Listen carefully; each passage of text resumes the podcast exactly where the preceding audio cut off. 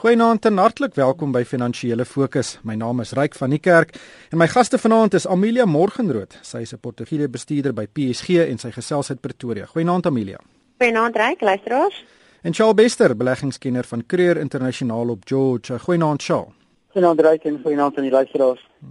Die groot nuus van die week uh, hou weer verband met Eskom. Eskom het hierdie week aangedui dat hy gaan deurdruk met sy plan om die reguleerder Nersa te vra om elektrisiteitstariewe met 25,3% in Julie te verhoog. Nou Brian Malefi, die waarnemende uitvoerende hoof, het gesê Eskom is in die finansiële moeilikheid en hy het die geld nodig om diesel en kragopwekkers te koop en uh, hy het gesê die tariefverhogings is kritiek as Eskom die ligte in Suid-Afrika wil aanhou. Elektrisiteitsgebruikers het egter hulle misnoë met die planne uitgespreek en hulle voel Eskom doen nie genoeg om doeltreffendhede te verhoog nie. Die partye sê die ekonomie is reeds op sy knieë en kan nie so 'n groot verhoging absorbeer nie. Amelia, dit is regtig nie 'n ideale scenario vir 'n ekonomie wat op die oomblik reeds eh, voortploeter nie. Nee, want die prys van energie in Suid-Afrika het reeds met 70% gestyg sedert 2010 en nog so nou nog 'n verdere uh, dubbelsyfer in um, styging kan kan dit net moeiliker maak vir Suid-Afrikaanse besighede om internasionaal te kompeteer. Ons is reeds in 'n situasie waar ons elke jaar laer en laer afbeweeg op die kompeterende indekse in die van die wêreld. En die ander probleem is ook die probleem van Eskom wat nie eers behoorlike krag kan lewer wat jy elke dag kan gebruik. En dit plaas net nog verdere druk op besighede en besighede kom in opstand. Jy weet ek lees oral in die media hierdie week van daar's 'n besigheidsgroep die Energy Intensive User Group wat groot maatskappye soos Anglo Gold en BHP Billiton ensovoorts verteenwoordig wat regtig weet dit opponeer en selfs Kusatu het hulle self bygevoeg by die oppositie en hulle het gesê die las op die werkersklas en die armes deur hierdie hoër elektrisiteitstariewe raak net groter en hulle is baie daarteen gekant. Hmm. Ja, Shaal, ek het uh, hierdie week met 'n uh, weet 'n mynbaas gesels wat sê hulle het een van hulle groot uh, smelteraanlegte het uh, in die afgelope maand 22 uit die 30 dae was hulle vir meer as 4 ure per dag het hulle is hulle weet onder beurtkrag het hulle deurgeloop um, wat net wys wat die impak is op hierdie groot ondernemings. Ja, seker, reg en soos ons weet is is baie moeilik om, om vandag besigheid te doen en dit plaas net addisionele druk op jou winsmarge. Ek meen jy moet uh, teen volle kapasiteit kan produseer. En in enige onderbreking, um, dis nie daai paar ure wat jy nie nie produseer nie, dit vat weer 'n hele lang tyd om heeltemal op lyn te kom. So ek dink ons ekonomie betaal nou die prys van on oneffektiwiteit en hierdie onverantwoordbaarheid. En niemand word verantwoordelik gehou vir besluite nie. Almal word maar net rondgeskuif. En uh, soos Amelia sê, ek dink mense begin aan opstand kom en ek mense begin eis dat die amptenare wat daar gestel word nou ook tot verantwoording geroep moet word. Het iemand moet nou die prys betaal. Iemand moet daarom op 'n stadium op sy swaard val en sê ons het droog gemaak en dis hoe ons dit gaan regmaak. En ek dink uh, Molefe gaan nou baie baie harde werk om hierdie storie om te draai. Ek kom met geweldig baie geld nodig om hulle uit hierdie knorsing uit te kry. En ek is seker of uh, of of hulle al die geld gaan bekom nie.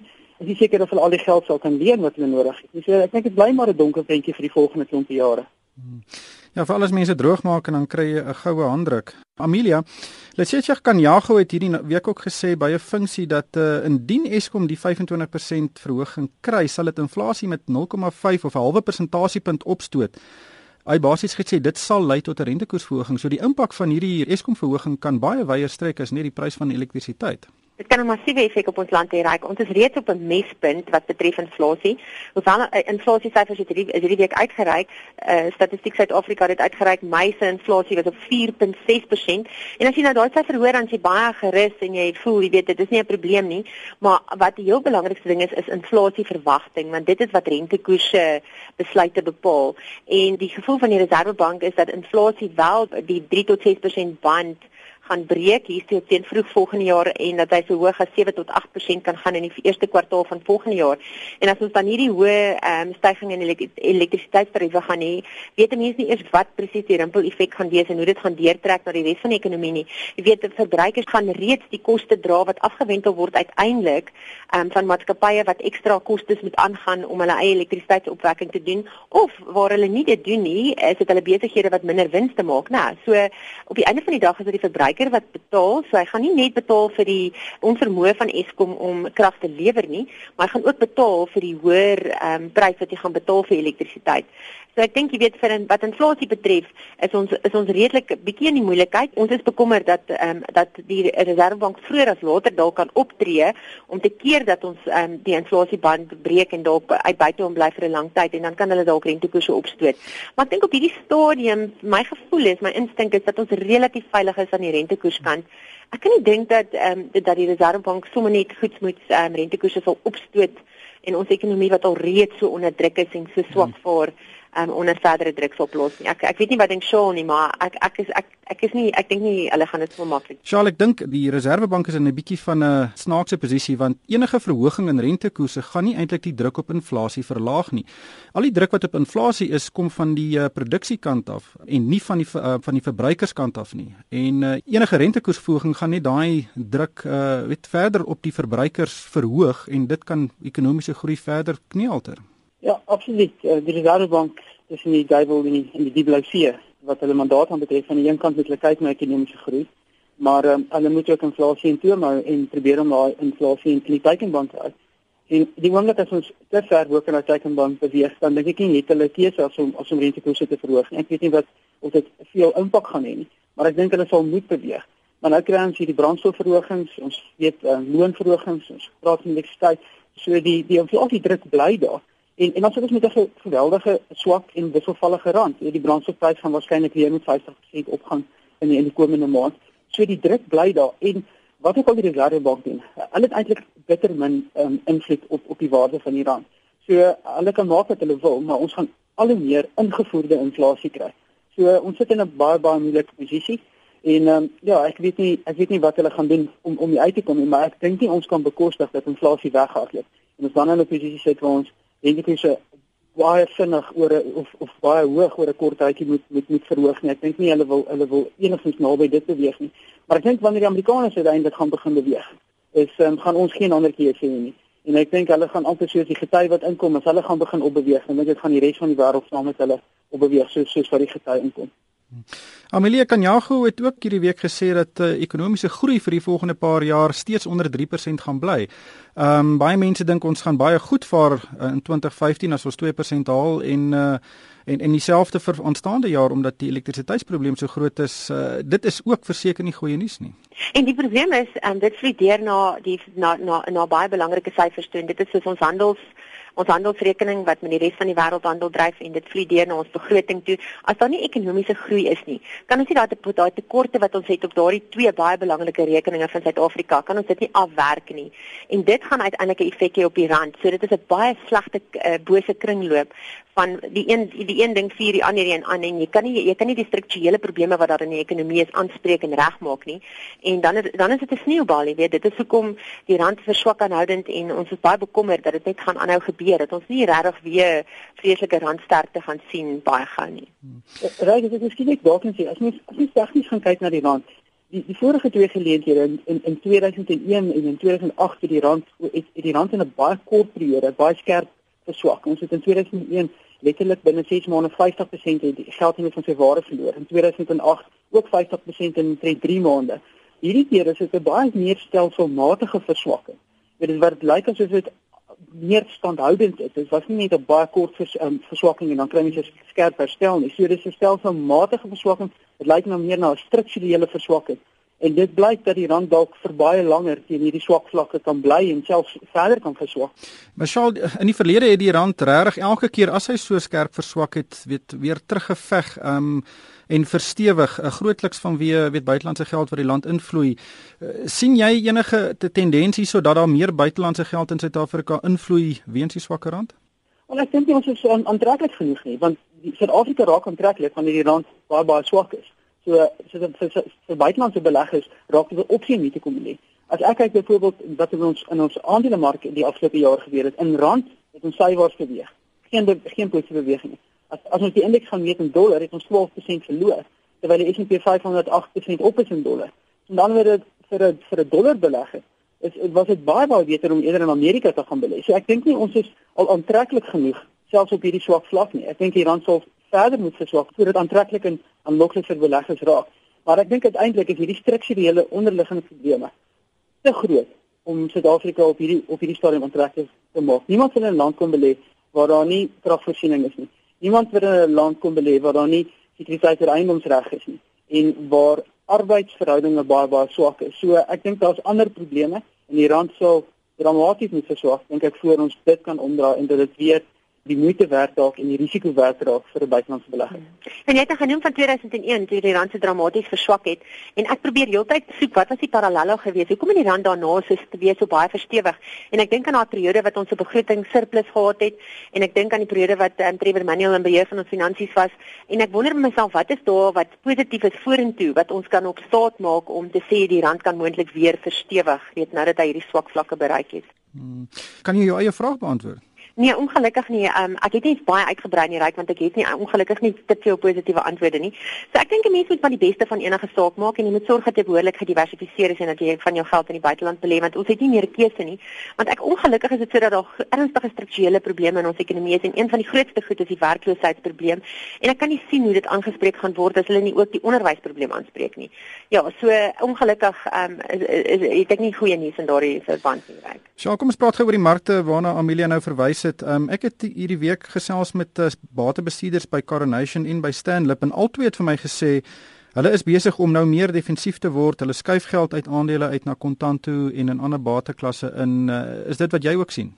Ja nee, absoluut. Ek dink as ons kyk in die laaste 6 jaar was daar nog nooit in in 'n spraak nou van bateallokasiefondse nog nooit uh, soveel kontant en en staatseffekte en sulke rentedraande beleggings in in in bateallokasiefondse en so ek dink dit is definitief 'n tendens en dit is uh, reg hier die spektrum ons ons het twee weke terug ook 'n klomp fondsbestuurders gaan sien en dit is almal se posisie om Suid-Afrikaanse aandele laer te maak en daar geld in rentedraande beleggings te gaan allokeer.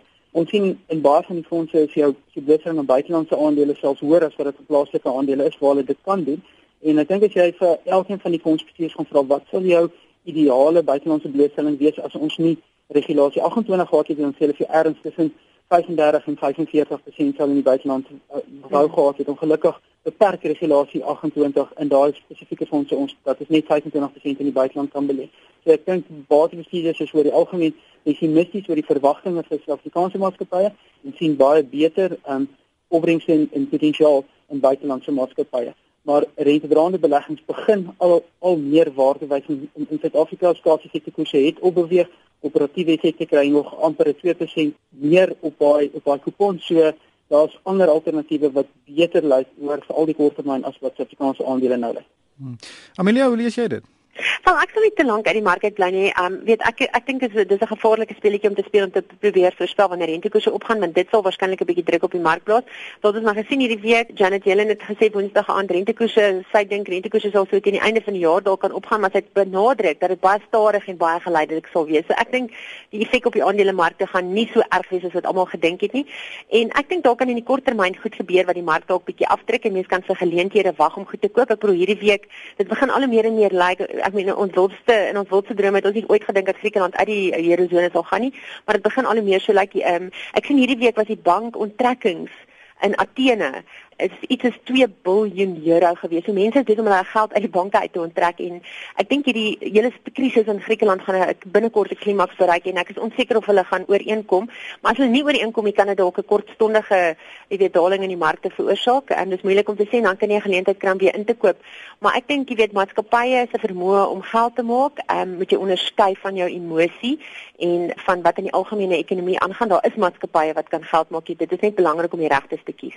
En dis dit plaaslike mark het die afgelope paar weke weet weet skerp verswak en ons is seker taamlik naby aan 'n tegniese regstelling, Amelia. Maar eh, persentasie gewys is dit nie so baie nie. Ek bedoel dis baie minder as 10%. So Ja, kyk die, die markte maak elke nou en dan ten minste dan so een of twee keer 'n jaar kry jy 'n bietjie van 'n regstelling hier naby 10%. Ons het nou nie vreeslik meer as dit gesien in die laaste klompie jare nie. Ons kan soos ek sê as daar 'n skielike gebeurtenis is soos byvoorbeeld Griekeland, dan kan ons dalk kortstondig sien dat die mark terugval, maar vir nou dink ek die markte gaan relatief sterk staan want rentekoerse in Amerika lyk nie asof dit sommer nou vinnig gaan styg en vreeslik baie gaan styg nie. En ek dink dit het 'n baie groot effek op die mar op op markte wêreldwyd. Ons volg maar nog steeds die internasionale markte. Jy kan nie na ons in isolasie regtig kyk nie. Ons uh, daai tendens, ons volg maar die tendense. Net ek stem saam met Shaw wat Shaw gesê het in dollar terme is ons mark nou af, maar die algemene tendens van die mark is nog sel, nog steeds in dieselfde rigting as as die internasionale markte. So jou raad is sit eerder op jou hande as op as op die kantlyn. Weet weet weet dit in goeie maatskappye wat wat die vermoë gaan hê om geld te maak deur goeie en slegte tye. Ek bedoel daar's iets soos my Medikliniek wat 20-30% teruggeval het van sy hoogtepunt af. Hy sal is word nog so 'n bietjie duur. Maar jy weet 'n maatskappy wat in die hospitaal in hospitaalbedrywighede is wat 'n groot deel van hulle geld in Switserland verdien. Weet as ek nou maar net 'n voorbeeld kan noem. Jy weet jy kan seker nie te ver verkeerd gaan nie. En selfs al val die markte en hy kom 'n bietjie terug is dit weet dit is om om die kans te vat om nie in die mark te wees nie. Dink ek is dit is meer roekeloos as om jou, jou aandele te gaan verkoop en op die kantlyn te sit in kontant. Want wat as die mark eh, wat as eh, wat as hulle rentekoers in Amerika eers middel volgende jaar opstoot? Kan jy dink wat met hierdie markte gaan gebeur? Jy weet jy kan nog 'n 20-30% stygings in die markte sien voordat hy dalk weer terugval. Charlotte net laastens maak Shuttleworth het hierdie week sy jarelange geveg teen die Suid-Afrikaanse Reserwebank in die konstitusionele hof oor 'n 250 miljoen rand heffing of 'n belasting verloor. En dit volg nadat hy in 2008 en 2009 250 miljoen rand in die Reserwebank moes betaal toe hy meer as 2.5 miljard rand uit die land uit wou neem. En net nadat Shuttleworth die belasting betaal het, het is dit afgeskaf en hy is toe hof toe en hy het gesê hy wil sy geld terug hê. Die appelhof het uh, later vir hom gesê ja, die Reserwebank moet hom terugbetaal, maar nou die konstitusionele hof hierdie week gesê hulle hoef nie uh, wat, wat gaan nie aan? Ja, so natuurlik 'n geding wat nou hele klomp jare kom soos soos jy sê. Wat die die appel of uh, hoekom die appel of eintlik in sy guns gesit het, as hulle het gesê dat dit so 'n tipe van belasting is en uh die Reservebank mag dit nie gehef het nie, dit was dit was ongrondwettig. Toe die Reservebank en minister finansies na die konstitusionele hof toe gaan en hulle het beslis dat um, dit nie 'n belasting is nie, dat hierdie dat dit nie die hoofdoel van die heffing is nie om geld in te vorder nie, maar eerder om ons plaaslike ekonomie te beskerm en die vloei van kapitaal te te reguleer en uh, daarom het teen hom teen hom beslis. So ja, lang uitgerekte saak en ek dink uiteindelik kon daar nie 'n ander uitkoms gewees het nie. Ja, maar die staat was ook dan blootgestel aan ander eise, né, van dieselfde tipe situasies en die syfer wat ek gesien het is dat hulle sou blootgestel wees aan eise van omtrent 2.9 miljard rand. Ja, absoluut. Ek dink die saak sou sou, sou vir baie lank nog beveg geword het. Ja. Dis maar die wet van Transvaal, né. Nee. Ongelukkig hierdie tyd ons ingehaal baie dankie aan Amelia Morgenrood van PSG en Shaal Bester van Career Internasionaal en van my ryk van die kerk. Dankie vir die saamluister en koop almal 'n winsgewende week.